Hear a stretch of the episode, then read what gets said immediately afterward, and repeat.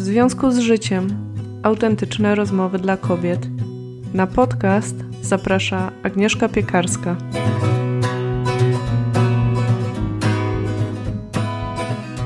Witam Cię bardzo serdecznie w 73. odcinku podcastu i zapraszam na kolejną rozmowę z psychodietetyczką Małgosią Ziębą. Rozmawiamy o jedzeniu emocjonalnym. Temat jest mi bardzo bliski i myślę, że dotyczy to też osób, które kiedykolwiek czuły, że wystarczyłoby iść za popularną i prostą radą, no po prostu jedz mniej, a która jak wiadomo brzmi świetnie, ale ani trochę nie pomaga. No właśnie, w dzisiejszym odcinku rozgryzamy ten temat. Znajdziesz w nim dużo wartościowej wiedzy i sama przyznam, że mimo tego, że temat drąży już w swoim życiu od jakiegoś czasu, to po tej rozmowie miałam parę takich momentów, aha. Z Małgosią rozmawiam już drugi raz.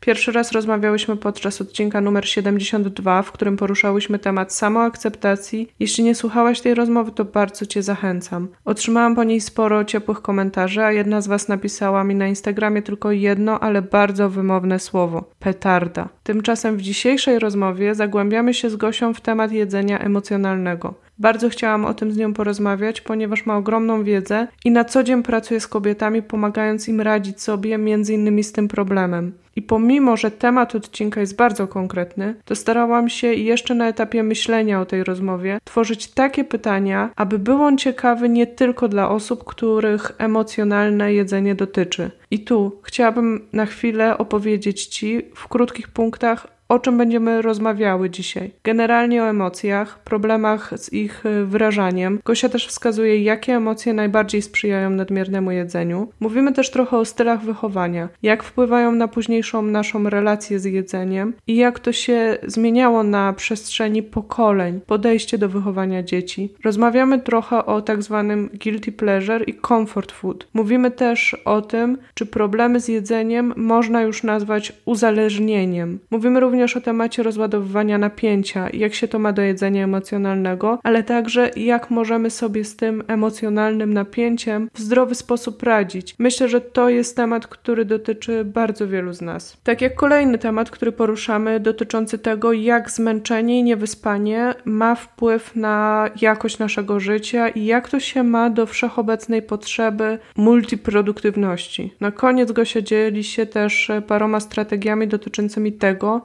jak wyjść z emocjonalnego jedzenia. Także w tym odcinku jest dużo wiedzy, ale jest też kilka bardzo szczerych i myślę, że momentami zabawnych historii z życia. Rozmowa była niezwykle emocjonująca, także w tle od czasu do czasu będziesz też mogła usłyszeć dźwięki gestykulacji, która się naturalnie pojawiała. Nie przeszkadzają one w odbiorze rozmowy, ale chciałabym Cię o nich uprzedzić. Jeśli będziesz chciała wrócić do tej rozmowy, to pamiętaj, że na stronie w związku z życiem.pl łamane przez odcinek 73 znajdziesz transkrypcję całej rozmowy. Tutaj bardzo serdecznie dziękuję Agacie Podsiadły za wykonaną pracę. Pamiętaj też, że swoimi wrażeniami zawsze możesz dzielić się na stronie, w komentarzach lub poprzez Instagram. A teraz już zapraszam Cię serdecznie do wysłuchania tej rozmowy. Cześć Gosia. Cześć Agnieszka. To zaczniemy od pierwszego, bardzo prostego i konkretnego pytania. Czy mogłabyś wytłumaczyć trochę mi, słuchaczkom też, co to właściwie jest jedzenie emocjonalne? No, jak nazwa wskazuje, jedzenie pod wpływem emocji, ale tak naprawdę no, chodzi bardziej o taką skłonność do sięgania po jedzenie w takich um, stanach trudnych, czyli w momencie, w którym przeżywa ktoś jakiś stres, dyskomfort, e, to jego strategią zaradczą jest w pierwszej kolejności jedzenie. Czyli jest to jedna z, z jakichś strategii zaradczych um, niwelujących napięcia. Więc tym mhm. to jest i to jest taka strategia, którą każdy w jakiejś swojej normie ma, no bo ludzie sięgają po jedzenie pod wpływem emocji, ale no niekoniecznie to musi być od razu jedzenie emocjonalne. I przy jedzeniu emocjonalnym rzeczywiście warto wziąć pod uwagę kilka takich jego cech, żeby sobie móc y, jakoś zobrazować, czy się ma, ma coś takiego, czy nie. Mhm. E, więc istotne jest tutaj jedzenie pomimo uczucia sytości, czyli ktoś nie jest głodny, czy pomimo uczucia głodu. Ktoś nie jest głodny, mhm. ale je, zazwyczaj też sięga wtedy po takie konkretne produkty, raczej um, z tak zwanej żywności rekreacyjnej, czyli tej, która powinna być w tym małym obszarze takiej zdrowej, racjonalnej diety, to mówimy właśnie o takich typowych przetworzonych, e, słodkich, słonych, pełnym tłuszczu jedzeniu. Cechą jedzenia emocjonalnego jest też taka jego okresowość, czyli ono występuje w momencie, w którym jest jakiś trud w życiu, jakaś stresująca sytuacja, dłuższa na przykład, e, ale jak się w życiu gdzieś tam zaczyna normować, to ono też znika i nie ma już tej potrzeby sięgania po takie jedzenie, nie ma takiego, takiej wzmożonej chęci, ochoty. Kolejną cechą jest jeszcze y, to, że właśnie mu sprzyja takie, takie zanurzenie w emocjach, ale takich trudnych do nazwania. Czyli kiedy nie, nie wiemy konkretnie, co my czujemy, to wtedy jest właśnie ta chęć sięgnięcia po jakieś jedzenie, czyli mówimy o takich, takim takich rozlanych emocjach, tak bym to nazwała. E, no i jeszcze taką jedną z głównych cech jedzenia emocjonalnego to jest to, że ono się odbywa zazwyczaj samotności. Czyli gdzieś tam się z tym ukrywamy, czujemy, że coś jest nie tak, raczej się tego wstydzimy. E, I jeśli takie poczucie wstydu e, się pojawia, czy później takie poczucie winy duże, nawet związane z jakimś obrzydzeniem do siebie, no to wtedy już mówimy bardziej o napadowym obiadaniu się, czy o, kompulsy, o kompulsywnym jedzeniu. Więc jakby to jest już ten krok dalej, e, a jak to jest takie jeszcze w miarę to uczucie wstydu takie nie, niezbyt duże, no to to jest właśnie jeszcze w obrębie emocjonalnego jedzenia. Czyli jak rozumiem, to jest jakieś e, fachowo można nazwać, że to jest jakiś spektrum, tak? Zaczyna się od, e, od jedzenia emocjonalnego, idzie właśnie przez to kompulsywne obiadanie się, tak jak to nazwałaś, mhm. a może się kończyć już na zaburzeniu odżywiania, czyli na przykład na bulimii. Tak. Jak sobie to wyobrażam. Dokładnie tak właśnie tłumaczę klientkom e, w ogóle zaburzone relacje z jedzeniem, bo jakby w tym pojęciu relacji z jedzeniem mieści się tak naprawdę właśnie bardzo dużo jakichś rzeczy i jakby zaczynamy od właśnie takiego gdzieś tam dezorganizacji tego systemu jedzenia i zaczyna się od emocjonalnego jedzenia zazwyczaj. No i to gdzieś tam nie musi być jakieś niebezpieczne, ale jeśli się pogłębia, nasila, e, to rzeczywiście sobie tak po tej linii już w stronę zaburzeń odżywiania może iść. Mhm, czyli jak to rozumiem, to nie jest niebezpieczne, nie musi być niebezpieczne dla naszej psychiki, tak? Natomiast y, mocno odbija się na naszej wadze, na naszym ciele, bo y, tyjemy, nie mamy kontroli na, nad tym. To jakby uruchamia pewnie całą spiralę poszukiwania sposobów na to, jak schudnąć, y, tak, bo emocjonalne jedzenie ono na początku rzeczywiście nie musi być jakieś groźne, jeśli występuje okresowo, ale nie, nie ma jakiegoś silnego natężenia ale jak do tego dochodzi już właśnie e, wzrastanie wagi, no co w konsekwencji, jeśli się przedłuża, no to to jest oczywiste, że e, jedząc takie jedzenie właśnie tłuste, słodkie, w większych ilościach odbije się to na ciele, no to tak, to wtedy można wpaść w tą właśnie spiralę odchudzania, diet i to jedzenie emocjonalne, ono się może wtedy właśnie nasilać. Z kolei już wtedy nie z tego emocjonalnego impulsu, tylko też z reakcji takiej wręcz fizjologicznej na na przykład na dietę. To też jest jakby taki mhm. trochę osobny temat, ale tak. Czyli diety mogą sprzyjać emocjonalnemu jedzeniu. To tak jak o tym opowiadałaś, no to bardzo mi to pasuje do takiego na przykład moich okresów w życiu, kiedy przeprowadziłam się z Wrocławia do Warszawy, Zaczęłam tam pracę, byłam bez znajomych i właściwie nagle przytyłam, nagle, no w pół roku przytyłam najpierw 10 kilo, potem doszło jeszcze 5 kilo, potem już tak to się wahało właśnie, bo wpadłam w diety i, i tak jak pamiętam, przyjecha, przyjechałam do domu, do mojej mamy i ona była w takim szoku i moja mama była pielęgniarką i ona mówi Jezus, trzeba ci zbadać tarczycę, to jest niemożliwe. No więc poszłam zbadać tą tarczycę. Nic. Ale cały czas myślałam, że to musi być coś innego. A gdzieś tam po drodze, w sensie po drodze w tej Warszawie, y, zawsze po, zawsze, no praktycznie codziennie po tej pracy, y, żeby sobie odbić cały ten stres, y, szliśmy z moim już teraz mężem do fajnej restauracji i ja tak fizycznie, dosłownie czułam się jak taka foka po tym, ponieważ szłam do tej restauracji, zamawiałam ten posiłek, jeszcze deser, jeszcze jedno albo dwa piwa. Teraz jak sobie o tym myślę, jestem już w innym etapie życia i jedzenia. I teraz jak o tym sobie myślę, w ogóle jakie monstrualne są porcje w restauracjach. Że to i w, tak naprawdę nie masz wyboru, tak, że ja potrzebuję inną porcję niż mój mąż na przykład potrzebuje porcję, a ja mam taką mentalność, że co mi nałożą, to tam zjem po prostu. Nie, mam, nie miałam tej regulacji, jeśli chodzi o, o sytość, w sensie to w ogóle nie wchodziło w grę, tylko musiałam zjeść, pochłonąć i potem się czułam jak taka foka, która mogła się już tylko wyłożyć, leżeć po prostu, machać ogonkiem. Fajne porównanie, tak. Ma to dawać takie rozładowanie, trochę bym powiedziała, że takie zamaskowanie tego, co jest w emocjach, takim uczuciem fizycznym. No bo to uczucie takiego właśnie tej ciężkości, tego właśnie tej chęci, żeby po prostu tylko się już rozłożyć, ono jest takie namacalne i my go możemy nazwać, że to jest na przykład przejedzenie i zmęczenie z przejedzenia i nie musimy się zastanawiać nad tym tłem, które właśnie jest takie nie wiadomo jakie. Wiesz, bo ja wspominałam o tym, mhm. że, to, że to jest taki stan takiego nie wiem o co mi chodzi, nie wiem, nie wiem co bym chciała, coś mi nie pasuje, ale nie wiem, to, ten taki rozlany jakiś niepokój. E, mhm. I wtedy właśnie sięgnięcie po jedzenie, ono tak jakby maskuje to i nie musimy się nad tym zastanawiać, bo takie już typowo fizyczne odczucia z, z jedzenia z ciała nakładają nam się na, na to. A wrócimy jeszcze chwilę do tych emocji właśnie, o których opowiedziałaś, bo z tego, co mówisz i z tego, co ja sobie odpamiętuję, to był czas, kiedy ja no o emocjach to może wiedziałam tyle, co przeczytałam, nie wiem, w zwierciadle raz na jakiś czas, w jakimś krótkim artykule albo, albo w jakimś innym magazynie dla kobiet. W ogóle ten temat mnie jakoś nie, nie interesował. Tak naprawdę emocje y, to są jakieś odczucia w ciele, tak? I to jest tak połączone, że że my być może czujemy coś, w sensie coś w nas jest, nawet nie jesteśmy na etapie, że nie potrafimy tego nazwać, tylko nie identyfikujemy tego, że to jest emocja. Mhm. No to tutaj y, rzeczywiście wiele ludzi ma problem z, i z nazywaniem emocji, i też z identyfikowaniem emocji. I niektórzy, niektórzy ludzie wręcz mają to takie y, wyciszone, że jakby to nie jest ich wina, że oni ich nie odczuwają, tylko po prostu tak mają.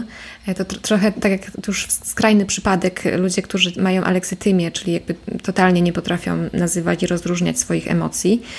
I ta aleksytymia ona też, też może być na jakimś spektrum. Mhm. Na końcu to wiadomo już jakby totalnie brak tego kontaktu z tym, co się dzieje, ale może to być też takie nieznaczne, i właśnie te osoby, one będą się częściej przejadać i będą mieć emocjonalnie, bo właśnie tego sobie nie będą potrafiły odnaleźć. No i to, żeby to umieć robić, no to to jest tak naprawdę cały taki jakiś trening, a nawet nie trening, ale nie blokowanie tego w dzieciństwie. Więc jakby to, to jest kolejny taki wątek, że my byśmy wiedzieli, gdyby te emocje e, były nazywane przez dorosłych, jakby mielibyśmy te nazwy na te uczucia, a nie blokowane. Nie wiem, czy o tym mówisz. Mhm, tak, bardzo dobrze to rozumiem, ponieważ e, mam wrażenie, że w ogóle powiedzmy to trochę idzie pokoleniami taka nazwijmy to moda czy e, kulturowe przyzwolenie na w ogóle mówienie o emocjach. Bo powiem ci, na przykład jak teraz kupuję książki dla mojej córki, to bardzo staram się, e, wręcz wyszukuję tych książek o, o emocjach, tak, o tym, żeby pomóc jej to jest, jest bardzo duży wybór i tak naprawdę czytam jej te książki, ale ja sobie czytam te książki, ponieważ czasami trochę się tego wstydzę, a z drugiej strony myślę sobie, nie ma w tym, no właśnie, widzisz, wstydzę się tego, więc jednak gdzieś to cały czas we mnie siedzi to przekonanie, a z drugiej strony myślę sobie, że e, że to jest fajne, że chociażby teraz mogę się tego nauczyć i lubię się czasami uczyć tego z bajek czy z takich prostych przypowiastek, ponieważ one gdzieś do mnie trafiają i chyba to wystarczy, tak? Natomiast y, to jest taka anegdota, nie anegdota, bo jak kupuję te książki, no to zazwyczaj kupuję je po polsku, czyli kupuję je w Polsce. I jeszcze jak y, lataliśmy do Polski, no to miałam, tak zawsze jak byliśmy, no to zamawiałam sobie dużą paczkę z książkami. I któregoś razu właśnie kupiłam Świetna książka, a królik słuchał. Nie wiem, czy ją znasz. Tak, myślałam, że o niej możesz mówić. Tak, yy, słyszałam, całej nie czytałam, ale jakieś fragmenty widziałam i rzeczywiście wydaje mi się, że. Jest, że jest przepiękna, jest książka. świetna. I powiem ci, moja córka wyciągnęła ją z tego kartonu, bo ja staram się te książki tak dozować, wiesz. Kupuję jakąś ileś książek, a potem tak podrzucam takie niespodzianeczki od czasu do czasu. No ale ona dorwała ten karton, wyniosła wszystko. Nie miałam czasu jej czytać, więc ona to zaniosła do babci. I moja teściowa tak czyta, czyta i czyta, no dobra, czyta. I tak potem do mnie mówi, co to za dziwna książka? Takie rzeczy dla dzieci? to jeszcze było takie że coś tam powiedziałam, ale potem mamy taką serię o Guciu. Gucie jest małym jednorożcem i on właśnie, każda książeczka jest o innej emocji. I on ma tam ćwiczenia oddechowe na te emocje. I pamiętam, znowu teściowa była u nas i znowu ten Gucio i ona...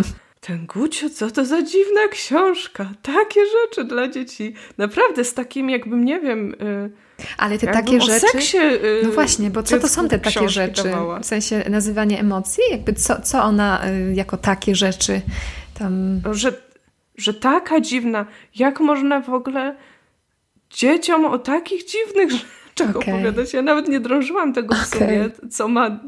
Co jest takie dziwne? Myślę. Mhm.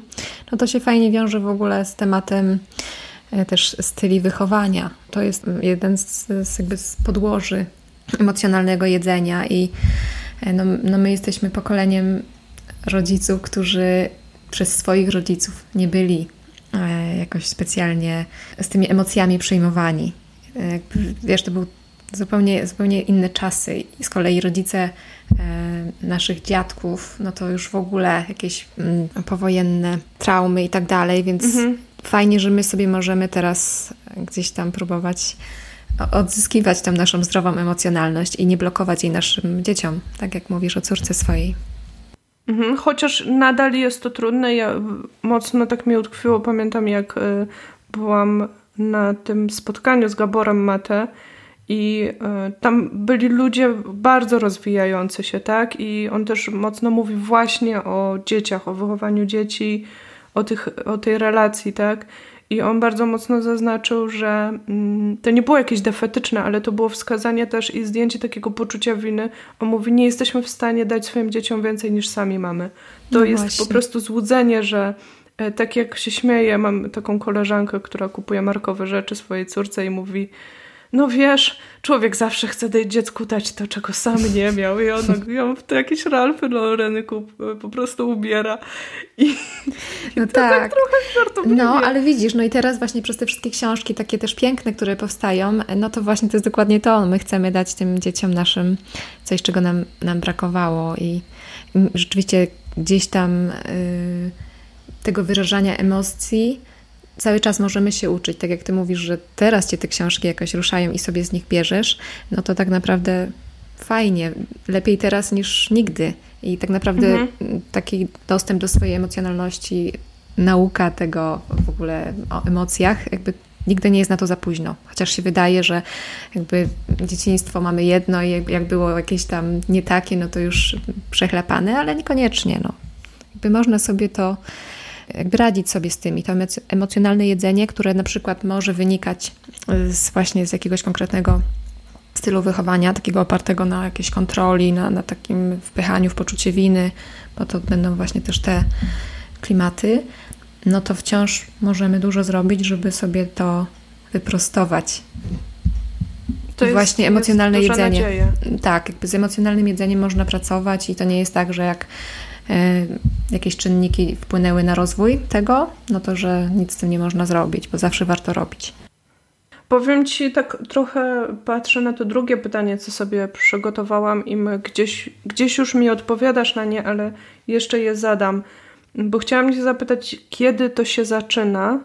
I przygotowując się do tego pytania, odpamiętywałam sobie sama swoje historie z, z życia, którymi być może, znaczy nie mhm. być może, którymi się podzielę. Dobra. Teraz to są takie historyjki, jak miałam 5-6 lat, ale właśnie zawsze upatrywałam e, ten początek w tym jakby nie, nieadekwatnym położeniu nacisku na rolę jedzenia w życiu. A być może było to tylko akurat u mnie był to trigger, tak? Ale ja pamiętam, miałam 5 lat.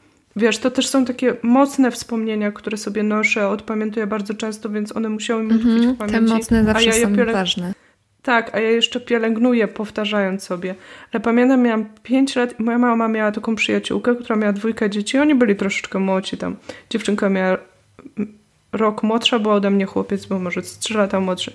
W każdym razie byli strasznymi niejadkami, ale to ja pamiętam jako dziecko, słysząc rozmowy dorosłych, jak ta y, koleżanka mojej mamy się tak aż wyżalała, mówiła, wiesz co, oni tak nie jedzą, ja już zrobiłam wszystko. Ja im zakazałam jeść przez dwa dni. I wiesz co oni zrobili? Nic nie zjedli. Inna okay. rzecz jest, że... Y, że tak jak teraz też pamiętam, gdzie o tym akurat dowiedziałam się dużo później, mąż, z którym się rozwiodła, był chory na schizofrenię i bardzo, bardzo mocno ta choroba w ich życiu funkcjonowała, już zagrażała bezpośrednio życiu, tak? Yy, tej kobiety i tak dalej. Więc myślę sobie, że gdzieś tam to podłoże być może było, a być może nie, bo ja teraz mam sama dziecko niejadka i i przestałam jakkolwiek komentować też takie rzeczy, no bo, bo powiem szczerze, my jemy z moim mężem, celebrujemy jedzenie, lubimy jedzenie, a moje dziecko po prostu wielu rzeczy nie chciało jeść i nie byłam w stanie z tym wiele zrobić. Ale właśnie pamiętam, że w kontekście tamtej rodziny ja byłam taką bohaterką, ponieważ ja lubiłam jeść. Pamiętam, oni mnie kiedyś zabrali e, gdzieś pod Poznań, do Wronek pojechaliśmy i w tych wronkach ta babcia tych dzieci jakichś grzybów nagotowała. Teraz sobie myślę, pięcioletnie dziecko się najadło grzybów. Ale wiesz, i ona, ja pamiętam, jak ona tak patrzyła na mnie, na taką bohaterkę. Och, jak ty pięknie jesz. I to była taka moja super moc. I drugie takie wspomnienie, kiedy e, w wieku 6 lat pojechałam nad morze sama, pierwszy raz bez rodziców z moją ciocią, e, która na stówę ma emocjonalne jedzenie. To jest to jest osoba, która po prostu po, potrafi jeść, chociaż ją żołądek boli, wymiotować, jeść dalej. Mm, to, to już chyba coś więcej niż emocjonalne jedzenie. Tak sobie myślę, że to już ten, ten krok dalej być może. Być może. Nie, nigdy w sumie w to nie wnikałam, ale ona właśnie jest taką karmicielką, przekarmiaczką. Jakby ta, ta miłość wyraża poprzez jedzenie i ona mnie zabrała na to może.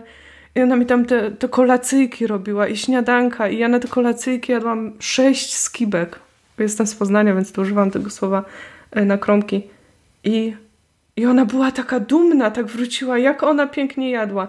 I mam takie poczucie, właśnie zawsze sobie myślałam, może przez to, że tak mi punktowano to jako tą supermoc, to potem wpłynęło na to, że e, że ja tak pięknie zawsze jadłam, że... No tak, wręcz... bardzo możliwe, że to połączenie jakieś no, było na tyle istotne, żebyś dalej to kontynuowała już nieświadomie. Właśnie jakoś chciała się poczuć dowartościowana tym, że tak dużo jesz. Jakby jako dziecko, no to wiadomo, że się nie ma jakiegoś racjonalnego oglądu, ale mm, myślę, że takie nadmierne dawanie, nadawanie roli jedzeniu no, z pewnością jest związane z tym jedzeniem emocjonalnym później. No bo jak dziecko chce się ona bardzo szybko jakby łapie, że to jest coś, czym może zyskać aprobatę rodzica, tą miłość rodzica, no to będzie tego sposobu używać. Więc y, no, te wspomnienia myślę, że, że bardzo fajnie, że je tutaj przywołałaś w tym temacie, bo one jakąś podwaliną pewnie są. Czyli to jest jakiś pewnie puzzle, który się składa Myślę, na że całą tak. historię a nie, mhm. że przez ciotkę. No, znaczy, na pewno to są czynniki, które mogą wpływać, e, też nie zawsze muszą, bo jeśli e, tutaj bym Ci miała odpowiedzieć na to pytanie, w ogóle jakby z czym ono mhm. jest związane, jak ono się tworzy, kiedy się zaczyna, no to jakby mhm. słusznie intuicja Cię do tego dzieciństwa prowadzi, no bo tam jakby dzieciństwo jest źródłem wszystkiego, ale e, ciekawe jest, że ono jest mocno związane z tym takim kontrolującym stylem wychowania albo z e, takim brakiem opieki, z deficytem uwagi opiekuna. I to nie musi być nawet takie, mm, takie jakieś związane z jakąś patologią, tylko czasami na przykład związane może być z takimi losowymi sytuacjami, że nie wiem, mama we wczesnym dzieciństwie e, musi iść na przykład do szpitala na dłuższy okres czasu i nie ma jej fizycznie wtedy, kiedy trzeba. Czasem dziecko jest mm, właśnie, nie wiem, wysyłane na jakąś kolonię czy obóz odchudzający. Jakby, wiesz, że to są czasami mhm. takie um, braki uwagi w jakimś ważnym momencie życia, zazwyczaj właśnie w tych, nie wiem, pierwszych pięciu latach, kiedy się to może jakoś tak zapisywać, te wspomnienia, i wtedy dziecku brakuje jakiejś właśnie uwagi, obecności y, i, i to, to jest istotne, że że coś takiego się dzieje, które dziecko przeżywa jako jakieś właśnie opuszczenie, ale też właśnie ten konkretny styl wychowania ma znaczenie już później, czyli na przykład tacy rodzice, którzy taki nacisk psychiczny wywołują u dzieci.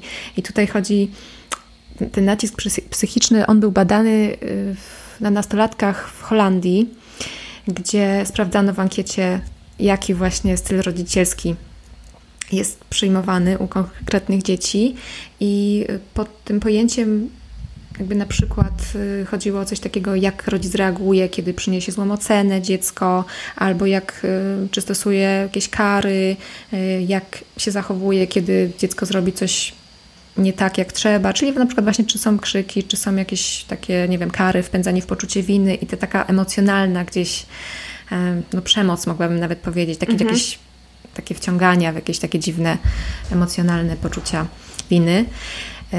To po czterech latach, zbadano dzie dzieci, nastolatków i, y, i mm, po czterech latach oni sprawdzili, na ile ten styl właśnie taki naciskowy, kontrolujący ma związek z emocjonalnym jedzeniem. I rzeczywiście było bardzo duże, e, o wiele więcej ta grupa z tego stylu wychowania e, miała już emocjonalne jedzenie, czyli to też nie jest tak, że jakieś jedno wydarzenie się dzieje i od razu ten ktoś zaczyna jeść emocjonalnie, tylko że to się rzeczywiście rozwija w czasie.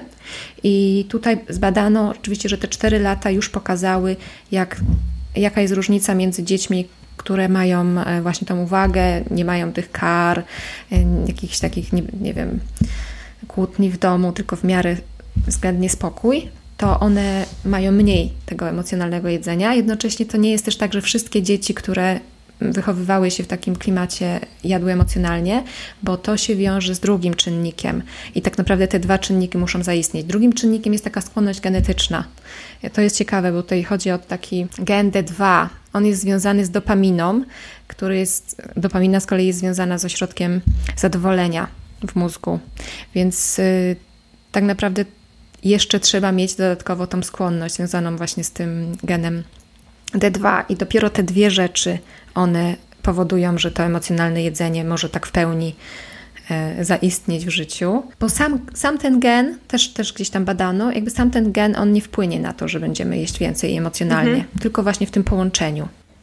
E, pewnie jeszcze jest coś takiego, jakby te badania przejrzeć. Nie wiem, taka moja hipoteza, e, to być może niektórym poszło w emocjonalne jedzenie, a gdzieś tam i z tym stylem wychowania poszło bardziej w jakieś inne nałogi. Zresztą zaraz będziemy też rozmawiać, nie wiem jakie ty masz mhm. do tego podejście, e, o tym, czy można to jako nauk traktować. Mhm, znaczy myślę, że tutaj słusznie gdzieś tam e, kombinujesz, no bo ten gen receptora dopaminy D2, o którym ja wspomniałam, czyli ten neuroprzekaźnik odpowiedzialny za zadowolenie, no to on będzie powodował, że, że my tego zadowolenia będziemy chcieli więcej. No i jedzenie jest jednym z, z tych jakby łatwych Wyzwalaczy. Tak, że, że, łatwo to zadowolenie można osiągnąć, ale są też właśnie inne rzeczy, które sprawiają, mhm.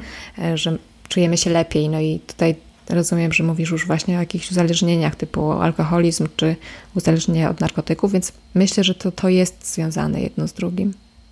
No, a to wiesz co, może pociągnijmy od razu ten temat, bo ja chciałam Cię zapytać, jaki Ty masz na to pogląd? Czy jedzenie może być nałogiem? Bo e, ja słyszałam na ten temat różne też opinie. Z jednej strony mm, to się klasyfikuje wiele tych objawów jako nauk, tak? I też mówisz o, o, o tym, jak to chemicznie, biochemicznie u nas działa, tak? Jak jest powiązane. A z drugiej strony no, często jak się mówi o nałogach, to mówi się też o takich substancjach, których jednak możemy, które możemy odciąć, a jedzenie tu jest dyskusyjne, ponieważ nie wiem, anonimowi alkoholicy mogą przestać pić, mogą się z tego wyłączyć, a z jedzeniem jest tak, że my nie jesteśmy w stanie przestać jeść. Ono nam jest potrzebne, tak, do przetrwania.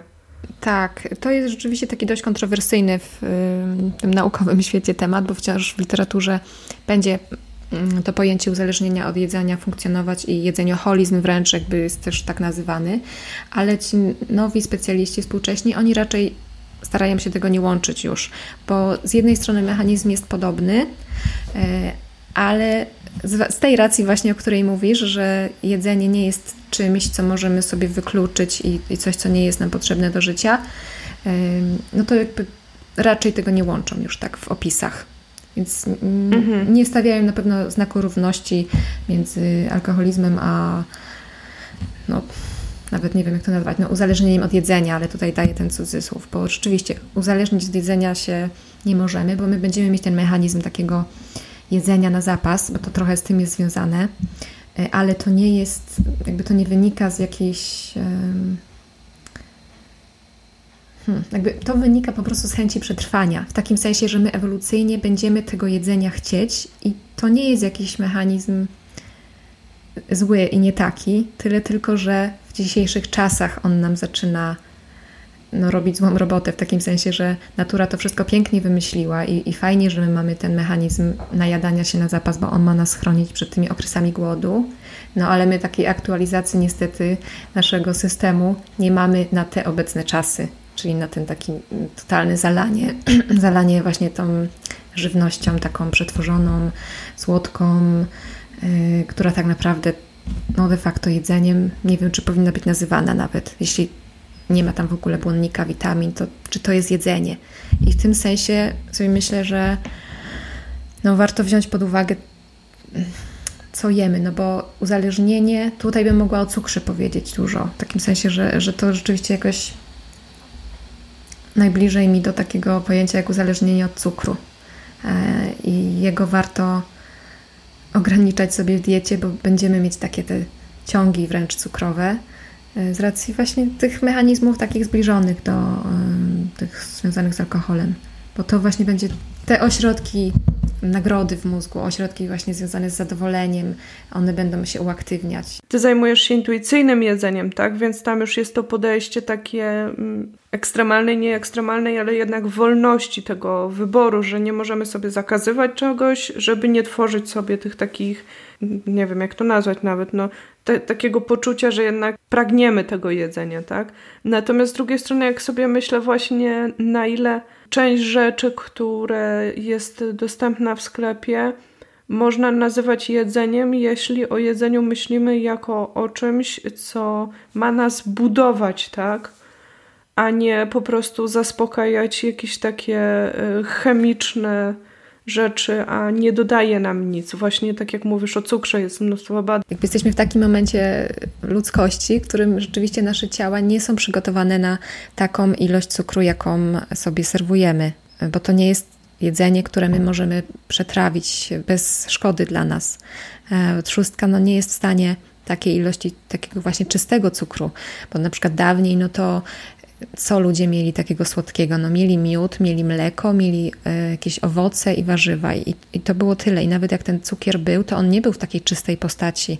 Myśmy to sobie stosunkowo niedawno wymyślili i jakby nasze ciała totalnie nie są na to przygotowane, więc e, no stąd taki wysyp tych właśnie chorób, insulinooporność, cukrzyca, bo po prostu nasze ciało nie jest na to do tego nie jest stworzone, do takiej ilości. Stąd rzeczywiście y, takie no, straszenie cukrem to może niekoniecznie jest fajna opcja, ale no, przede wszystkim taka świadomość, że y, te przetworzone, słodkie rzeczy, to, to powinno być rzeczywiście w tej, ja już wspomniałam, wspomniałam o tym pojęciu, o tej, ta żywność rekreacyjna, że mówi się nawet o takiej zasadzie 80-20 i jeśli sobie będziemy w 80% jeść tak racjonalnie, e, odżywczo, zdrowo, to, to jest ok, że te 20% jakby będą takim co, na co mamy ochotę.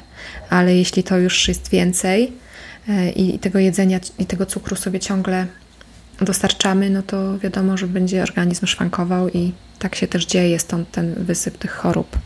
I tam działają takie dwa mechanizmy, bo z jednej strony to jest takie uzależnienie od cukru, można tak to nazwać, myślę, takie, ten mechanizm tego błędnego koła, że jest najpierw wzrost tej insuliny bardzo duży, ten rzut insulinowy, później jest z kolei bardzo szybkie hamowanie y, trzustki i jest taka już e, hipoglikemia i jak to się powtarza i powtarza i powtarza, to jest ten mechanizm tego błędnego koła, który trochę jest takim właśnie tym mechanizmem uzależnieniowym, można by powiedzieć. Więc to jest pierwszy temat, no a drugi temat to jest to, o czym już żeśmy trochę rozmawiały, ty o tej historii twojej z tą ciocią, że jest jeszcze ten aspekt tego właśnie mocnego skojarzenia, tego słodkiego z tą przyjemnością, z tą miłością, z, tym, z tą falą błogiego spokoju, więc dlatego to jest tak trudne. Jednocześnie no jest to też inne od takiego typowego uzależnienia od alkoholu, czy od narkotyków, czy nie wiem, kofeiny. Mhm. No właśnie, chciałam też trochę porozmawiać z Tobą o, o tym tak zwanym y, guilty pleasure i comfort foods, które się często pojawia, i to są też takie y, pojęcia, które właśnie łączą nam pewne grupy produktów z konkretnymi emocjami że ja, ja jakby właśnie mocno sobie odpamiętuję takie, takie momenty, że nie wiem, dom czy miłość kojarzy mi się z paczką ciastek. Niestety, w jakimś aspekcie, tak? I że dopiero po, po pewnym czasie roz, rozeznawania się w tym wszystkim uświadomiłam sobie, że kiedy ja po prostu otwieram sobie tą paczkę ciastek i ona jest cała dla mnie, to mam te nie wiem, 8, 9 lat i czuję się jak wtedy, kiedy po prostu otwierałam 500 gramowe opakowanie ciastek goplanek. To były moje ulubione kakaowe ciasteczka w masie czekolado podobnej. Widzisz, nawet tu się rozpływam, bo to mnie po prostu teleportuje. I często powiem, to takie właśnie guilty pleasure. E, jakiś czas temu na Instagramie zabrnęłam w takie mm, rejony, w których zazwyczaj nie bywam, ale trafiłam na konto e, Małgorzaty Rozenek Majdan i Dawaj, co tam znalazłeś? Gdzieś, no właśnie, i, i znalazłam tam, że ktoś się zapytał o to, czy ona ma takie comfort food. I ona mówi, że tak się rozmarzyła wtedy. Tak mówi, mhm, tak, dla mnie to, to jest takie pire ziemniaczane. Od czasu do czasu sobie pozwalam na to, żeby sobie usiąść i wtedy takie pire ziemniaczane, nie pamiętam już, czy ono było z masełkiem, czy ono było z mlekiem, czy z czymś tam. I ona temu Radziowi też tak robi, a jak chce do tego kotlecika, bo on ma jeszcze to pire z tym kotlecikiem, a oni chyba są wegetarianami, no to ona mu wtedy coś innego tam utłucze i, i mu zaserwuję, żeby, żeby on się też teleportował do tej swojej mamy, do tego swojego domu, żeby poczuł to ciepło. I tak sobie pomyślałam, wszyscy to mamy. E, jak ty to widzisz? Czy, czy to jest bezpieczne, niebezpieczne pozwalać sobie na to? Wiesz, no ja, ja powiedziałam Ci nawet o tej zasadzie 80-20, takiej znanej w, psych, w, w dietetyce w ogóle, więc ja sobie myślę, że spokojnie w tych 20% to guilty pleasure może się znaleźć i takie świadome danie sobie tej przyjemności jedzeniowej, nawet czasem pomimo uczucia, pomimo braku tego głodu, e, tylko właśnie to delektowanie się, jak dla mnie jest ok. I, I, każdy pewnie ma coś takiego, i te wspomnienia, to połączenie różnych właśnie wspomnień e, z jedzeniem też jest fajne, no bo fajnie móc się tak czasem przenieść w czasie. Ja, ja sobie tak myślę, że mało co ma w życiu taką moc e, przenoszenia w czasie, jak właśnie jedzenie, że sobie możemy wręcz zmysłami poczuć to, co wtedy żeśmy czuli. E, I emocjonalnie, i też czasami wręcz tak, nie wiem, zapach nam się jakoś wzmacnia, bo sobie przypominamy. Więc y, ja myślę, że to może być bezpieczne, jeśli to nie jest w takim właśnie y, ukryciu i w takiej nieświadomości, tylko jak sobie mhm. to wyciągniemy na światło dzienne, damy sobie na to przyzwolenie, no to no będzie to o wiele przyjemniejsze i, i właśnie nie będzie guilty pleasure, tylko po prostu ple pleasure. bo, bo po co to guilty, nie? Jakby...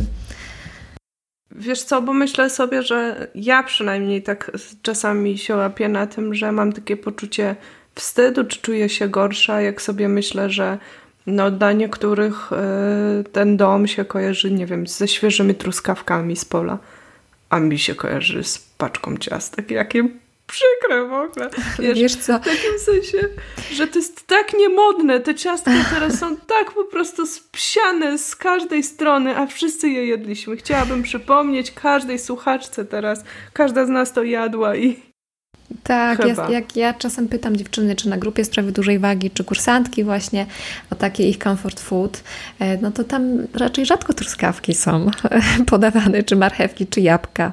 Raczej są właśnie pierogi, naleśniki. O, pierogi też. I to są zazwyczaj właśnie takie, e, no taki określony typ produktów, czyli zazwyczaj mąka albo właśnie jakieś tłuste, słodkie, wysokokaloryczne rzeczy, no bo to daje nam przyjemność. Jak sobie myślę o, o, tłuszczu, który jest nośnikiem smaku, no to trudno, żeby w tym comfort food tego tłuszczu nie było. Więc, truskawki z bitą śmietaną. No właśnie, jak truskawki, to one się z bitą śmietaną pojawiały, bo to też sobie od razu przypomniałam, że takie padało. Albo z cukrem. Tak. Jest to połączenie i jakby też niekoniecznie jest coś złego w tym połączeniu. Tylko y, takie jakby wypieranie tego połączenia może być niebezpieczne, jeśli my jakby nie, nie potrafimy sobie tego jakoś połączyć i sięgamy po coś i nie za bardzo wiemy skąd i się tym obiadamy. I, i dopiero tak jakby jak się to gdzieś połączy, to można ograniczyć. No ja z kolei taką mam swoją prywatną historię z naleśnikami, e, które swego czasu jakoś namiętnie zajadałam i byłam skłonna nawet i o 22 w nocy nagle poczuć, że po prostu potrzebuję tych naleśników i sobie o 22 e, faktycznie się tak zdarzało, że sobie smażyłam kilka naleśników i tak e, próbowałam tak jakby znaleźć, o co z tym chodzi, jakby skąd te naleśniki i tak jakby podeszłam do tego z taką ciekawością, jednocześnie też z taką akceptacją, że no taką mam fazę akurat na te naleśniki w tym okresie życia.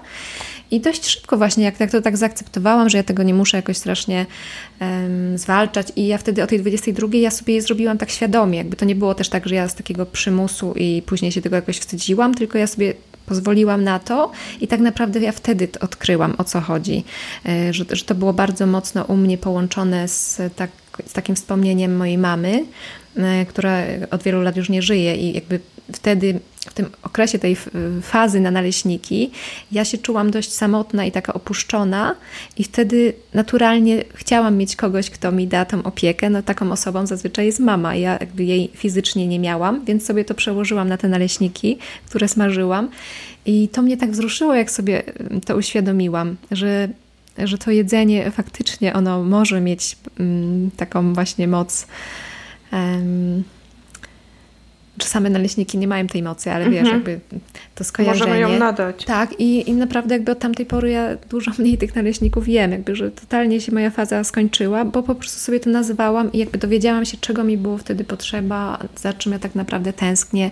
Dałam sobie na to przestrzeń, wtedy się popłakałam i jakby ja to sobie jakby sama gdzieś dałam tą, wtedy tą czułość i opiekę do, tej, do samej siebie i nie musiałam już zajadać. No i, i to było takie dla mnie bardzo e, takie znaczące i, i cenne też w moim doświadczeniu psychodietetycznym, które teraz już jakby na innym gruncie mogę przekazywać. Czyli jednak e, wychodzi na to, że zamiast się odwracać od tego, co nam tam się dobija, to, to warto na to rzucić światło i z taką czułością nawet właśnie się przejrzeć, tak jak opowiedziałeś o tym? No, to jest jakby jedna z takich metod, które ja akurat bardzo będę promować, bo to jest takie właśnie podejście oparte na akceptacji, e, na takim przyjęciu wszystkich emocji, które się pojawiają, na niewypieraniu ich, no bo jeśli my jemy pod wpływem emocji, no to my te emocje gdzieś próbujemy maskować czy wypierać. I tak naprawdę jeśli się to zdarza rzadko, no to ok, ale jak, jak to się staje naszym takim głównym mechanizmem regulacji emocji, tak jak jakby wtedy, w tej fazie naleśnikowej, to, jakby to już zaczynało tak przybierać taki e, jakiś już niepokojący powoli wymiar, to przyjęcie wtedy było właśnie tym kluczem, jakby przyjęcie tych emocji z, tej, z tego spektrum, tych tak zwanych niewygodnych, trudnych. Czyli właśnie tęsknoty, tak, tęsknoty smutku, chęci zaopiekowania, jakiegoś żalu, uczucia straty, że fajnie by było mieć e, przy sobie kogoś, a akurat nie mam i, i przyjrzenie się temu, co jest pod tą chęcią właśnie tak naprawdę tych naleśników. Na przykład naleśników, bo mhm. każdy ma coś swojego, mhm. prawda? A akurat naleśniki do mnie też mocno przemawiają. No bo to Gdzieś jest tam... taki, w, nas, jakby w naszym wieku, nasze dzieciństwo, no to to są właśnie zazwyczaj naleśniki albo pierogi, tak sobie myślę. Mhm. To babcie nasze robiły, prawda, mamy łatwe, szybkie. Tak, to prawda. Chociaż u mnie zawsze to było jakieś wielkie halo i po prostu naleśniki były od święta. Szczęście, nieszczęście. W sumie, jak sobie myślę. No ale była paczka ciastek ze sklepu. Ja Ci o naleśnikach jeszcze dopowiem tylko jedną rzecz, mhm. do której się też uśmiechnęłam, bo ostatnio miałam, jakby szłam na pogrzeb y, mamy mm, znajomego i też jak się o tym dowiedziałam, to złapałam się na tym, że miałam ochotę sobie zrobić naleśnika, ale jakby wtedy jakby bardzo się, jakby uśmiechnęłam się do siebie, bo bardzo szybko jakby złapałam to połączenie, jakby już jakby nie musiałam tego robić totalnie, ale tak, tak było to dla mnie takie wręcz niesamowite, że e, jakby pomiędzy tą fazą naleśnikową, a, a dzisiaj jakby minęło naprawdę wiele lat, więc a wciąż gdzieś na jakimś takim poziomie bardzo głębokim mam to, nie? Tutaj też takie pytanie, nie pytanie, właściwie dałaś odpowiedź. To nie jest tak, że to jedzenie emocjonalne czy te połączenia nam znikną, tylko będąc, będziemy ich świadomy, świadome, świadomi i w tym momencie ta chęć, e, czy to ciśnienie, ta potrzeba mhm, może tak. się rozluźnić, zniknąć, mamy wybór po prostu. Tak, tak? Nie, jakby to już nie jest jakimś przymusem takim bardzo silnym. Yy ja bym na przykład nie chciała, żeby te połączenia znikały, bo to jest fajne przecież, że, że możemy się uśmiechnąć e, jedząc jakieś danie, które nam przypomina babcię czy mamy, e, czy w czasy gdzieś tam właśnie e, jakieś danie takie z innej kuchni świata.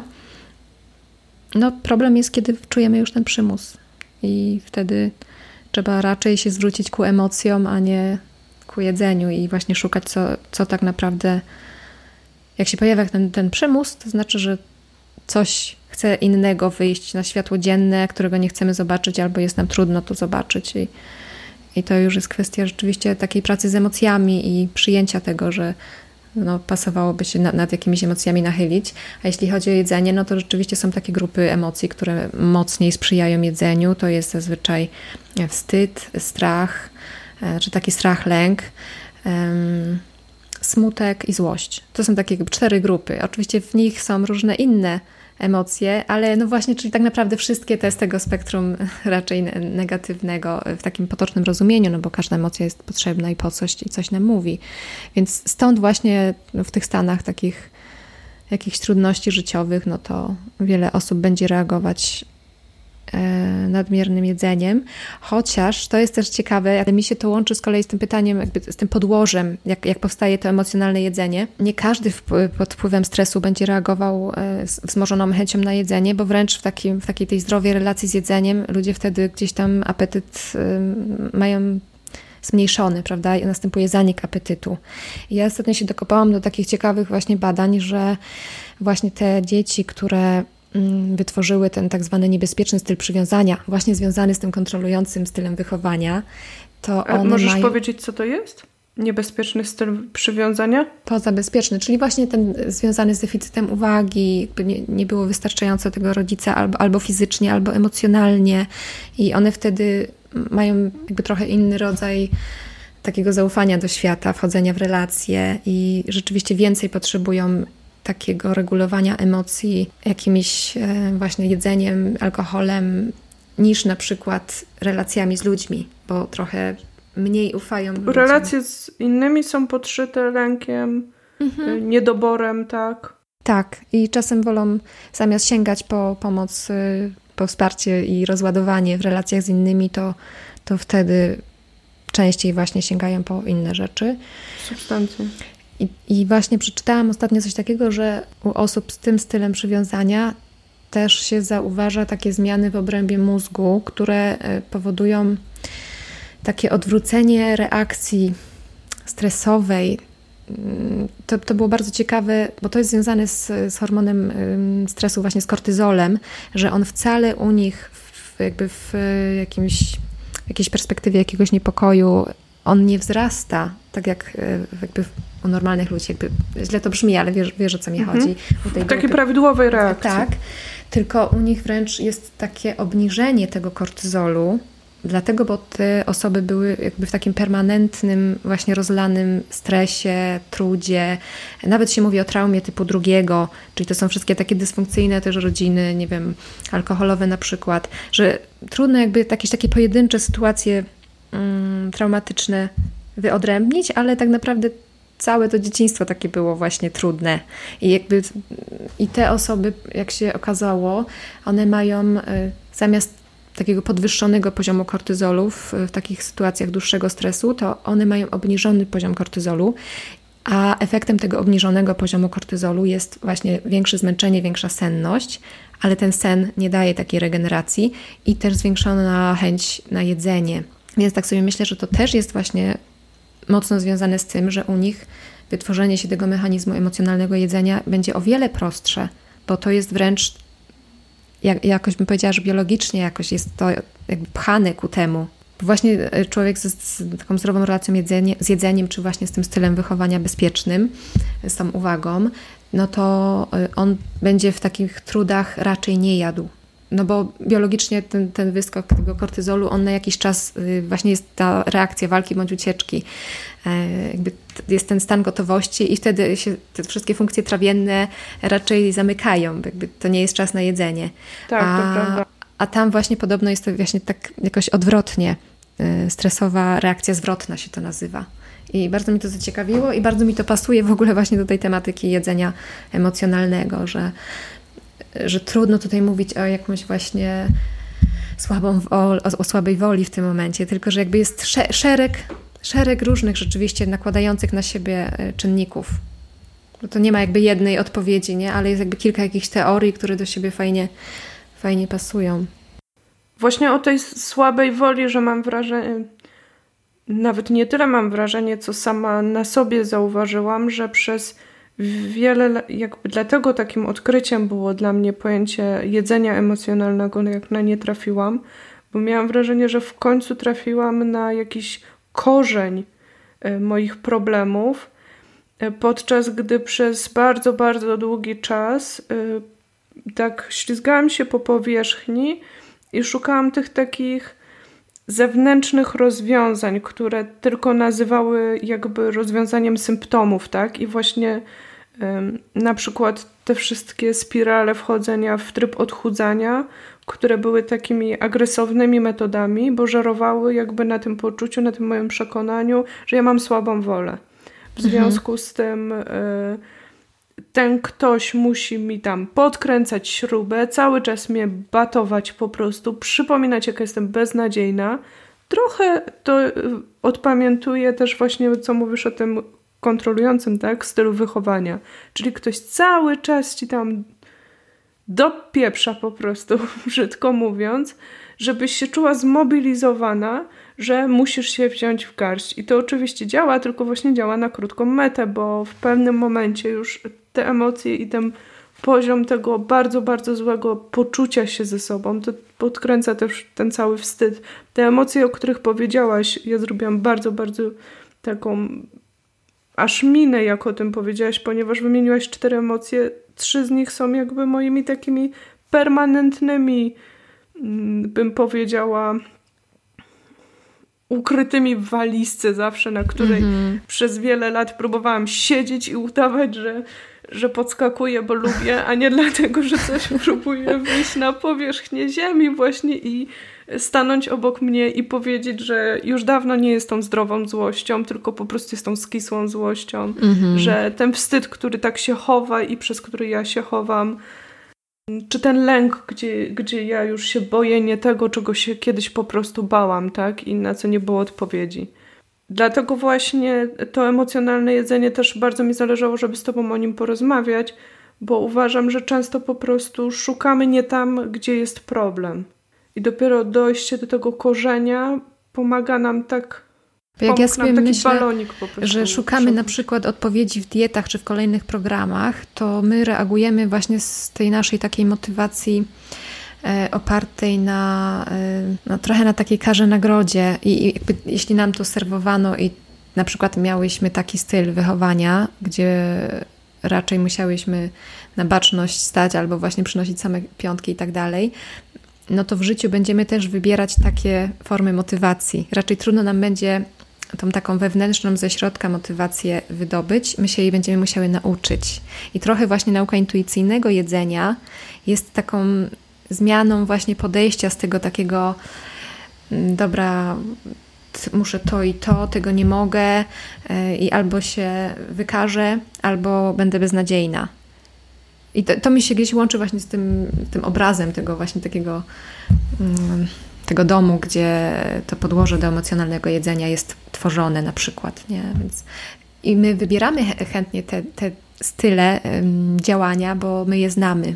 Właśnie takie oparte na tym podkręcaniu śruby, na takim samej sobie e, wrzucaniu jakichś wyzwań. I to właśnie jakby cała sztuka to jest dopuścić emocje, jakby gdzieś tam popracować nad tymi właśnie ukrytymi w walizce rzeczami i trochę zmienić perspektywę i tej akceptacji sobie trochę więcej dać i też e, tą motywację taką wewnętrzną w sobie wzmocnić. No bardzo, bardzo, bardzo mi się to składa, bo właśnie gdzieś patrzę na swoje poszukiwania, to uważam, że największy taki moment przełomowy był taki, w którym poczułam się już tak zmęczona wszystkimi metodami, które mi podkręcały śrubę nie tylko w kwestii pracowania nad swoim ciałem, nie tylko w kwestii, nie wiem, budowania związku, tak, budowania całej tej zewnętrznej otoczki e, pracy, w którym w tym momencie już miałam takie poczucie, że, że chyba zaraz pęknę, bo ja nie jestem w stanie tych standardów narzuconych mi kiedyś, czy podkręcanych cały czas w głowie, czy które wyłapowałam z kultury, ja nie jestem w stanie tego spełnić i albo po prostu pójdę w taką już. Y, ja tego też nie umiałam wtedy nazwać, ale miałam takie poczucie chyba, że albo pójdę w taką stronę takiej totalnej destrukcji, tak? Czyli, czyli będę się łamać do momentu, aż po prostu y, będę się czołkać po ziemi i, i pewnie wybije mi to jakąś chorobą czy czymś takim, czy rozwalę sobie życie, związki. Albo po prostu poszukam czegoś innego w końcu gdzieś ktoś jakąś metodą w taki zdrowy sposób e, mnie najpierw przytuli, mhm. a potem nauczy mnie, jak ja mogę to robić sama, tak? To nie jest łatwy proces, bo, Jasne. Bo ta chęć powrotu ciągle do tych, e, do tych batów się odpowiada i ja ciągle się łapię, że znajduję takie rozwiązania cud na moje problemy. Ja to nazywam takie, takie wiesz, plastikowe po prostu diamenty, które mi gdzieś tam z daleka świecą i rzucają, ach, to przecież jest wszystko proste, bo tak naprawdę musisz mieć tylko silną wolę. Działa, rezonuje na krótko znowu. No i właśnie, to musimy się tego nauczyć, no bo nie, jakby trudno nam stosować w życiu coś, y, do czego nie, nie przywykłyśmy. Jeśli było gdzieś mało y, takiego wsparcia właśnie w tym obszarze emocjonalnym, no to w dorosłym życiu po prostu będziemy musiały sobie to same jakoś y, no, zdobyć to wsparcie, nauczyć się go. I ja dlatego na przykład uważam, że wiele kobiet, które mają problemy z emocjonalnym jedzeniem, no to one prostu powinny zacząć od e, albo psychoterapii, albo psychodietetyka, albo psychologa, który się zajmuje właśnie stricte tematem e, odżywiania, takich właśnie jakiegoś kompulsywnego odżywiania. No bo dieta będzie ten problem tak naprawdę tylko pogłębiać oddalać od rozwiązania. Nawet jeśli rzeczywiście się uda schudnąć na jakiś czas, no to to i tak wróci. I jakby z, z klientkami na ten temat jakby wiele, no wiele razy w gabinecie rozmawiałam i one rzeczywiście w końcu trafiają do mnie jako do psychodietetyka, bo się tej takiej właśnie mm, takiego zdrowego podejścia, tego przytulania siebie chcą e, nauczyć. I takie słowo, które ostatnio w gabinecie mi mocno no, tak e, wyskakuje, to jest takie właśnie zaopiekowanie się sobą. One właśnie tego szukają. One przychodzą do mnie w końcu po to, żeby ktoś na chwilę się nimi zaopiekował i żeby właśnie im tej śruby nie podkręcał, tylko powiedział im, że one jakby już są ok. Co oczywiście nie jest sprzeczne z jakimiś celami sylwetkowymi, bo sobie mogą dalej oczywiście chcieć schudnąć, ale tego jest moim zdaniem bardziej im potrzeba w tym pierwszym etapie. Y, do czego się często nie docenia, też czy się nie wie, y, jak gdzieś się myśli, może szuka albo zastanawia nad terapią, że to nie jest konkretna wiedza, która leczy, ale relacja, która leczy i, i często też ja przynajmniej pamiętam, jak poszłam na psychoterapię, relacja była dość taka na tamten, et- na tamten etap, myślę, była adekwatna do rzeczywistości. To była też krótkotrwała psychoterapia i, i to było też podejście behawioralne. Chciałam z Tobą porozmawiać o umiejętności rozładowywania napięcia. Trochę już o tym mówiłyśmy też. A właśnie na tej psychoterapii pamiętam, że tam się ten wątek pojawił. I bo ja też przyszłam i jednym z moich problemów było właśnie jedzenie. To było jeszcze zanim zapisałam się na siłownię, potem zrezygnowałam z terapii, poszłam jednak na tą siłownię i do dietetyczki. Ale właśnie, bo pamiętam, że ten terapeuta zaproponował mi wtedy takie, powiedział, dobrze, to jak pani ma ochotę sięgnąć po, po to jedzenie, po te mafiny, bo tam w grę wchodziły mafiny, to może by pani najpierw poszła na spacer.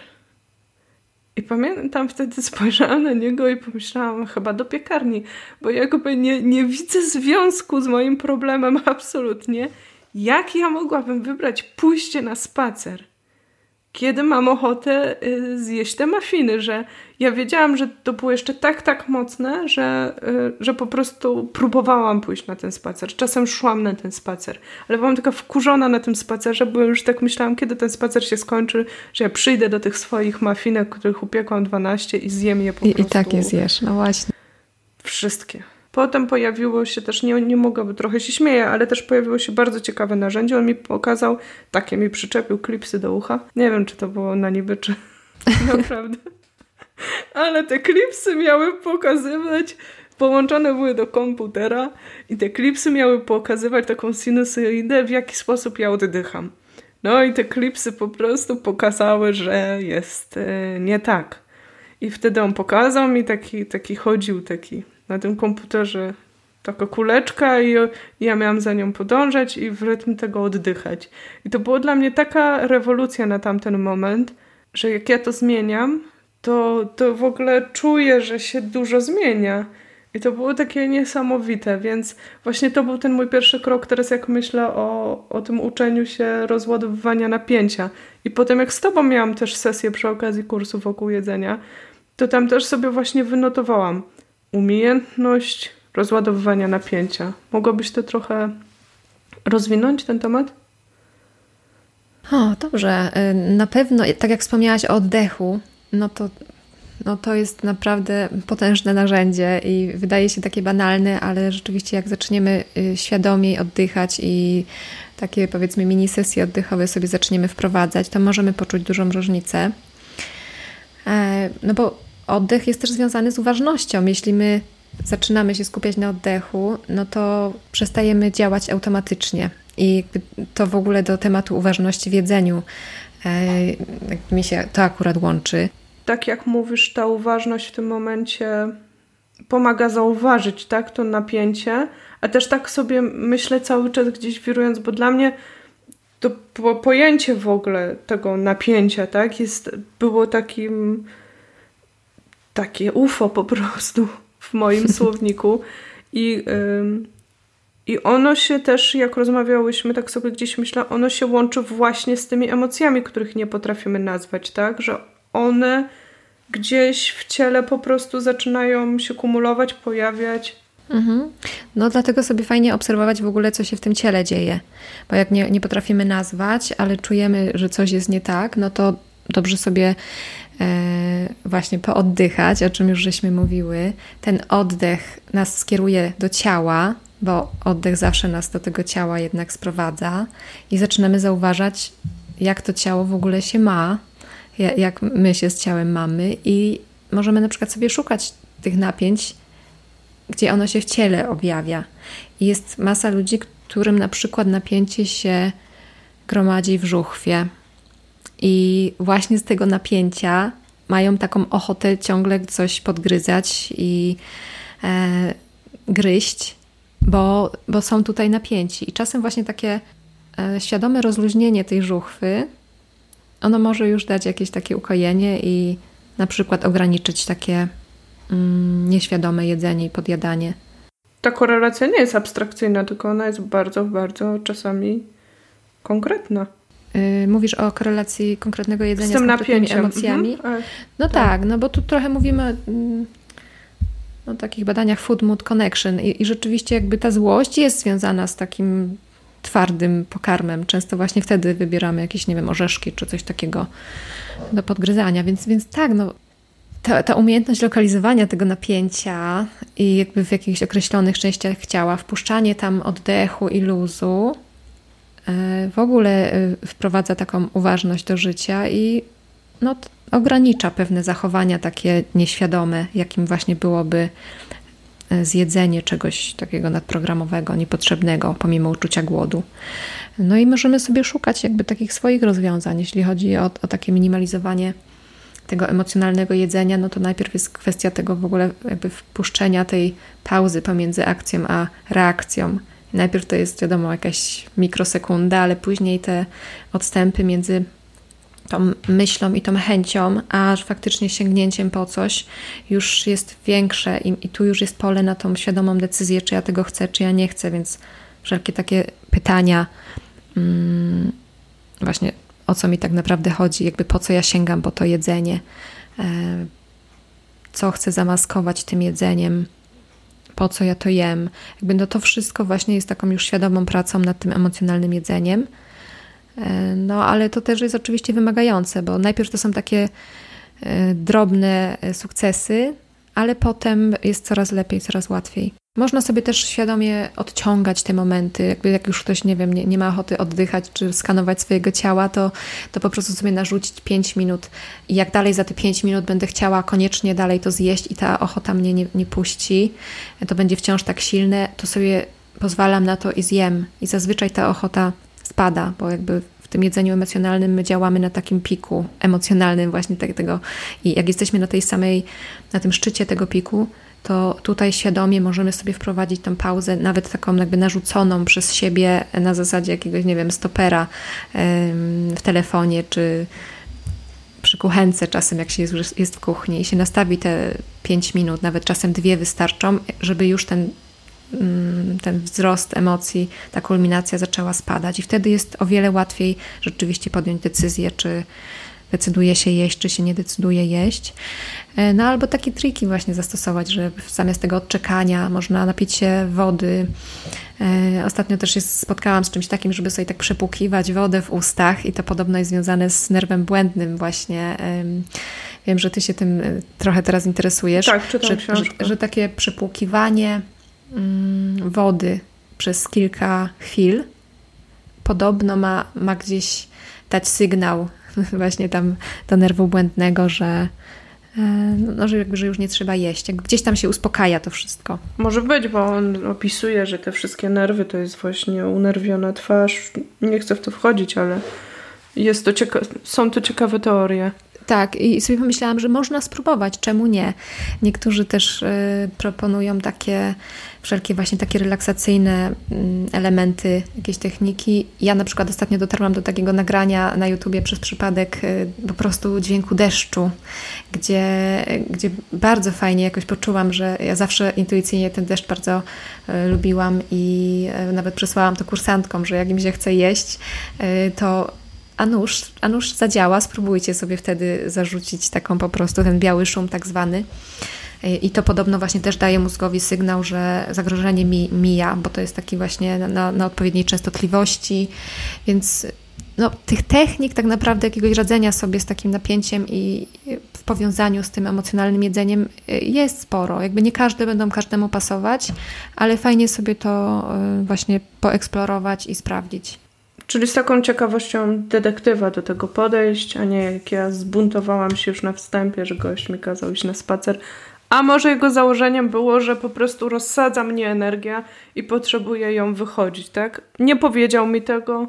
To nie było całkiem głupie, natomiast rozumiem oczywiście, jak, jak to się wydawało takie um, od czapy w, ta, w tamtym konkretnym momencie, no bo jakbyś była w stanie iść na ten spacer zamiast jeść mafinki, to byś to pewnie wcześniej robiła i jakby po to też szukałaś tej pomocy.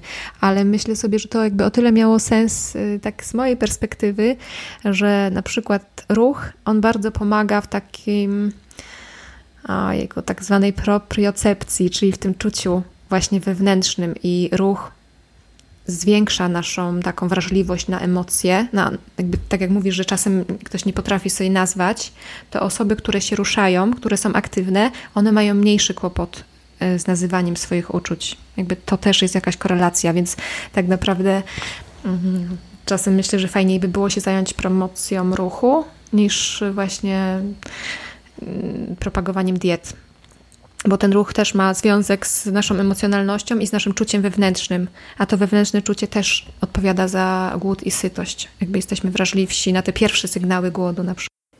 No i widzisz, i teraz jak mi to tłumaczysz, to gdzieś wpuszczam e, do siebie sens tego ruchu, bo zawsze jak on miał mnie tylko tam y, denerwować, pomagać przekraczać moje ograniczenia, udowadniać mi, że nie daję rady, jestem beznadziejna, no to w tym momencie odrzucałam go, tak? Czy mhm. nawet ta sylwetka mnie tak nie motywowała. A teraz jak mi mówisz, zresztą jest e, też dużo na ten temat, coraz więcej jest jakby tych informacji, które pokazują i punktują to, że ruch y, jakby mocno wpływa właśnie na emocje, na, na nasze psychiczne samopoczucie. Zresztą no, chyba idziemy w tym kierunku, gdzie to rozdwojenie czy nawet rozstrojenie duszy, emocji, y, serca, mózgu, ciała, y, odseparowanie zaczyna się powoli tak spajać i zaczynamy widzieć, że to wszystko jest powiązane, po prostu często ktoś zaczyna pracę od jakiegoś punktu, ale chodzi o, o wszystkie punkty, a nie tylko o naprawienie jednego. Ok, to jeszcze, jeszcze mam na koniec jedno, może dwa pytania. Czy możemy krótko jeszcze porozmawiać? Jedzenie, a stres i zmęczenie. Stres to pewnie jakby wrzucimy trochę w worek już tych emocji, o których rozmawiałyśmy, ale jedzenie, a zmęczenie, bo ty też e, trochę o tym już mówiłaś. Natomiast y, chciałabym też ten punkt podjąć, ponieważ ja sama bardzo późno zorientowałam się, że to jak jestem zmęczona, czyli jestem niewyspana, bardzo, bardzo mocno wpływa potem na, na to, jak jem, jak mam.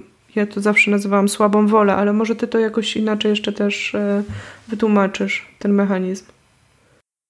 Na pewno ma to duży związek. No, o śnie się bardzo dużo mówi, e, o tej roli snu w utrzymaniu szczupłej sylwetki, że to tak naprawdę ta, ta waga snu, jakby tutaj jest celowo z tym użyciem tego słowa, e, no jest, jest bardzo duża. Jakby wiele badań robiono, które pokazywały, że niedospanie ono zwiększa hormon głodu, więc na przykład o 20% więcej chcemy jeść na przykład. E, robiono też badanie, że osoby, które nie dosypiają, jakby przeżywają więcej takich stanów psychicznych, e, no, tych właśnie tak zwanych negatywnych, e, siedmiokrotnie bardziej są narażone na uczucie bezsilności, pięciokrotnie częściej czują się osamotnione. Jest to związane po prostu z brakiem snu, więc jakby pod tym kątem, jak sobie myślę w ogóle o zjawisku też emocjonalnego jedzenia, no to ma to ogromne znaczenie właśnie czy my się wysypiamy, jak my w ogóle dbamy o siebie, czyli trochę o tą w ogóle higienę psychiczną tutaj by chodziło.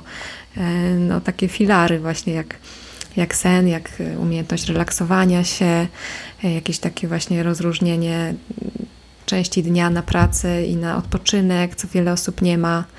E, gdzieś tam wyzbycie się na przykład nawyku oglądania serialu do późna. To akurat już do, do siebie mogę powiedzieć, bo też właśnie jak te różne badania czytam, jak to mocno później to niedosypianie um, obniża efektywność, czy właśnie powoduje tycie, no to mam takie silne postanowienie, żeby tego nie robić. Ale y, no wiele osób tak na co dzień funkcjonuje właśnie, że sobie do późna coś ogląda, śpi po 6 godzin, na przykład dwa tygodnie takiego spania po 6 godzin, to dla organizmu jest jakby taki, taki sam efekt jak nieprzespanie jednego dnia jakby w całości. Więc ta uwaga i koncentracja jest naprawdę mega obniżona.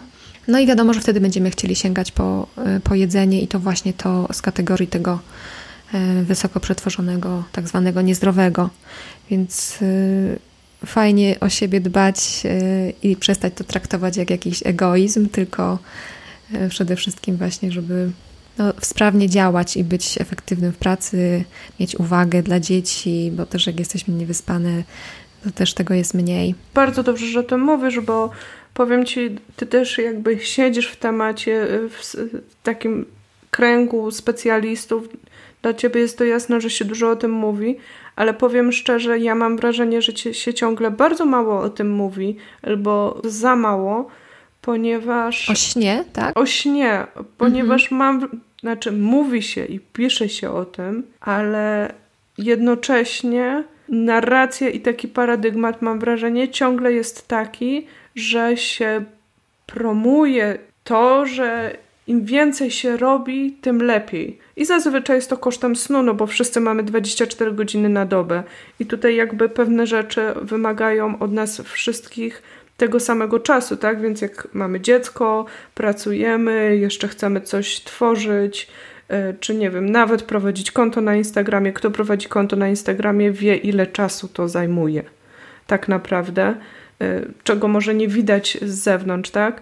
Nawet pamiętam, kiedyś mój mąż mówił relatywnie niedawno, że jeden z ich tam bardzo wysoko na szczeblu postawionych menadżerów przyszedł i zaczął swoją przemowę, przedstawianie się od tego, że on śpi tylko, nie wiem, nie chcę skłamać, ale to naprawdę była strasznie niska liczba. Cztery godziny. Mhm. Bo on tak ma i, i on się czuje z tym świetnie i on dzięki temu już nauczył się programować. Przy okazji teraz się uczy jakiegoś egzotycznego języka, a za jakiś czas jeszcze DJ-em został w międzyczasie. Wiadomo, gość miał mnóstwo czasu, bo nie spał siłą rzeczy. I, I on mi o tym opowiadał. W sensie mój mąż nie jest podatny na takie rzeczy, ale ja czułam, e, że było to takie, takie wiesz, że on chciał wzbudzić po prostu podziw, wrażenie, jaki on jest na czasie. A ja pomyślałam, jaki chory człowiek. Albo być może jest ewenementem, tak? Raz na jakiś czas się zdarzają tacy ludzie. Mhm. Ale nie promujmy tego, bo robi to szkodę tak. wszystkim ludziom. Czy wszystkie te takie, wiesz, y, idee, że wstawajmy o 5 rano. Nie mam nic przeciwko temu, ponieważ na przykład Agnieszka Maciąg, która promuje wczesne wstawanie, pisze bardzo jasno, że ona bardzo wcześnie chodzi spać i się wysypia. Ale często się mówi, bądź produktywny, po prostu wstawaj, możesz się zaprogramować, to są tylko twoje przekonania, że, że śpisz, e, że potrzebujesz 8 godzin, a jak sobie wmówisz, że potrzebujesz 6, to będziesz jak skowronek po prostu yy, zadowolony. No na pewno będą różnice indywidualne w ilości snu, jaką kto potrzebuje, ale no schodzenie poniżej yy, 7 dla mnie no raczej nie jest zdrowym rozwiązaniem. I fajnie, że się teraz promuje cykl dobowy, przynajmniej ja mam takie wrażenie, że coraz więcej się o tym mówi, mm, no bo to mocno działa na jakby całe nasze funkcjonowanie, więc wstawajmy wcześniej jak najbardziej, ale wtedy koniecznie zadbajmy o to, żeby chodzić spać e, no wtedy, kiedy już jest ciemno, czyli no, na pewno nie 24, 23, jeśli stajemy o 5. To można jakby z różnych motywacji zrobić. I dla figury tak naprawdę, i dla swojej e, odporności, i dla swojej wydajności, koncentracji, uważności też. No bo jak mniej śpimy, to trudniej nam o uważność. A ta uważność jest z kolei bardzo potrzebna w, na przykład w, w tym emocjonalnym jedzeniu, jakby w próbie zmniejszania go. Zadam jeszcze na koniec jedno pytanie, które miałam w planie, natomiast myślę, że wyszła nam bardzo długa rozmowa z której gdzieś można wyciągnąć wiele wątków, które będą odpowiedzią na to pytanie, ale zadam je, bo miałyśmy w planie, być może jeszcze coś będziesz chciała nakreślić, e, punktować już bardzo krótko, chociaż możesz długo też, e, audycja jest e, przestrzenią dla osób, które dla osób, które mają czas dla siebie i chcą też ten czas mieć. Jak przestać jeść głową, czy sercem, czyli tymi emocjami, a właśnie zacząć ciał, ciałem, bo dla mnie to jest takie podsumowanie y, tego, czyli mówiłyśmy dużo o problemie, chociaż mówiłaś dużo też o rozwiązaniach. Jakieś takie coś, nawet jeśli się powtórzy z tego, o czym już mówiłyśmy, co jest dla ciebie podstawą, od czego warto zacząć. Okej, okay.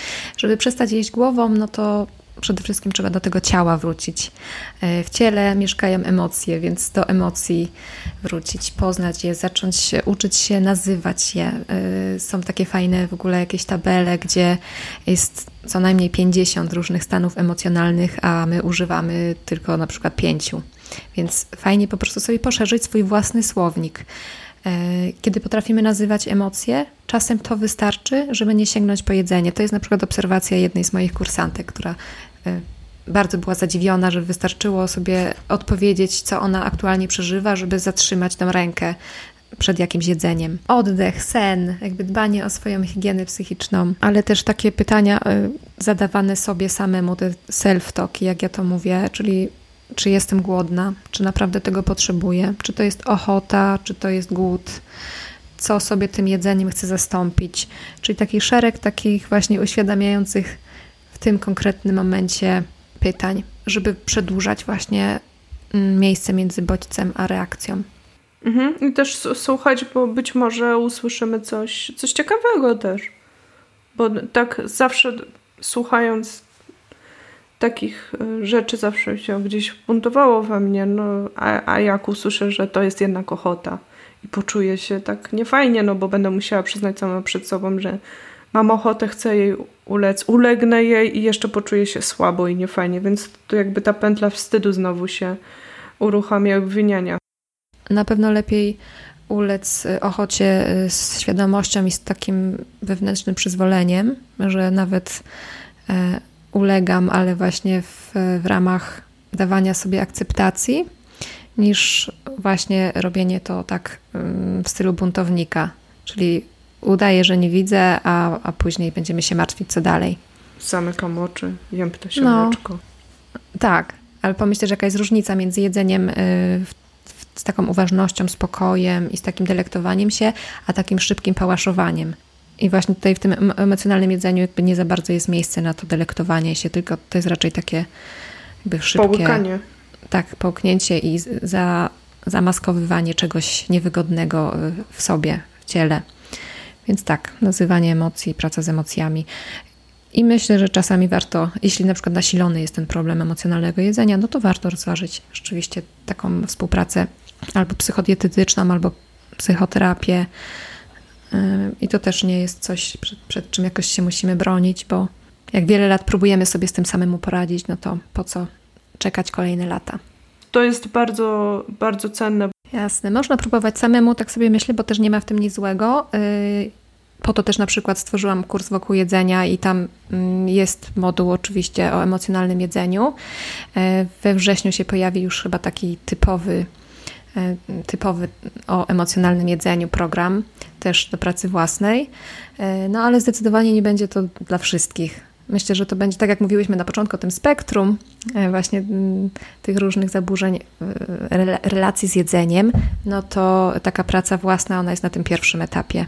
Jeśli problem jest już gdzieś głębiej, no to e, myślę, że nawet czasem szkoda czasu na te wszystkie książki, kursy i tak dalej, tylko praca z odpowiednią osobą może to przyspieszyć. Super. Ja bardzo, e, bardzo też lubię, korzystałam z Twojego kursu. Czekam na ten kurs o emocjonalnym jedzeniu, bo po tej rozmowie dużo się dowiedziałam, wiele rzeczy sobie na pewno e, wypunktuję. Także bardzo Ci dziękuję za tę rozmowę. I ja Cieszę się. ze szczerym sercem naprawdę też odsyłam na stronie będzie też link do Twojej strony, gdzie można znaleźć bardzo dużo materiałów. Dzięki, też dziękuję za rozmowę. Cieszę się, że byłaś z nami do końca rozmowy i dziękuję Ci serdecznie za to. I jak zawsze, bardzo serdecznie zapraszam Cię na Instagram, gdzie poprzez story oraz wpisy w feedzie rozwijam temat i możemy porozmawiać w komentarzach lub bezpośrednio w wiadomościach prywatnych, bo to też się zdarza. Adres do konta znajdziesz w opisie tego odcinka lub wpisz w związku z życiem podcast, wszystko przedzielone podkreśnikami. A już za trzy tygodnie tygodnie pojawi się nowy odcinek, zdecydowanie inny tematycznie, także jeśli chcesz otrzymać powiadomienie, to po prostu zasubskrybuj kanał tam, gdzie lubisz słuchać podcastu. A ja zapraszam Cię też bardzo gorąco na stronę w związku z życiem.pl i namawiam Cię do zapisania się na newsletter, oczywiście jeśli lubisz otrzymywać newslettery, ponieważ będę przesyłać nie tylko powiadomienia mailowe o nowych odcinkach, ale to nad czym obecnie pracuję, czyli specjalny e-book, który będzie wysłany do wszystkich zapisanych osób bezpłatnie. A jeśli słuchasz tego odcinka później, po publikacji już jakiś czas, to być może ten e-book jest już dostępny, także wejdź na stronę w związku z życiem.pl i sprawdź. A jeśli masz ochotę podzielić się wrażeniami, przemyśleniami lub po prostu skontaktować się ze mną w jakimkolwiek temacie, to pisz śmiało na adres w związku z życiem małpa.gmail.com. Życzę Ci bardzo dobrego dnia, do usłyszenia w kolejnym odcinku lub do zobaczenia na Instagramie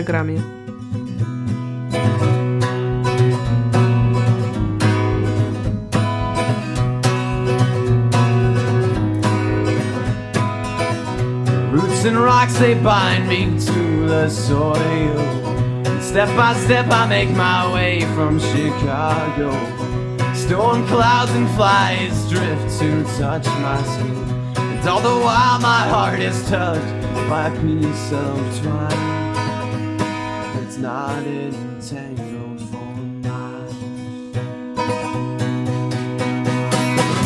Be the ground beneath my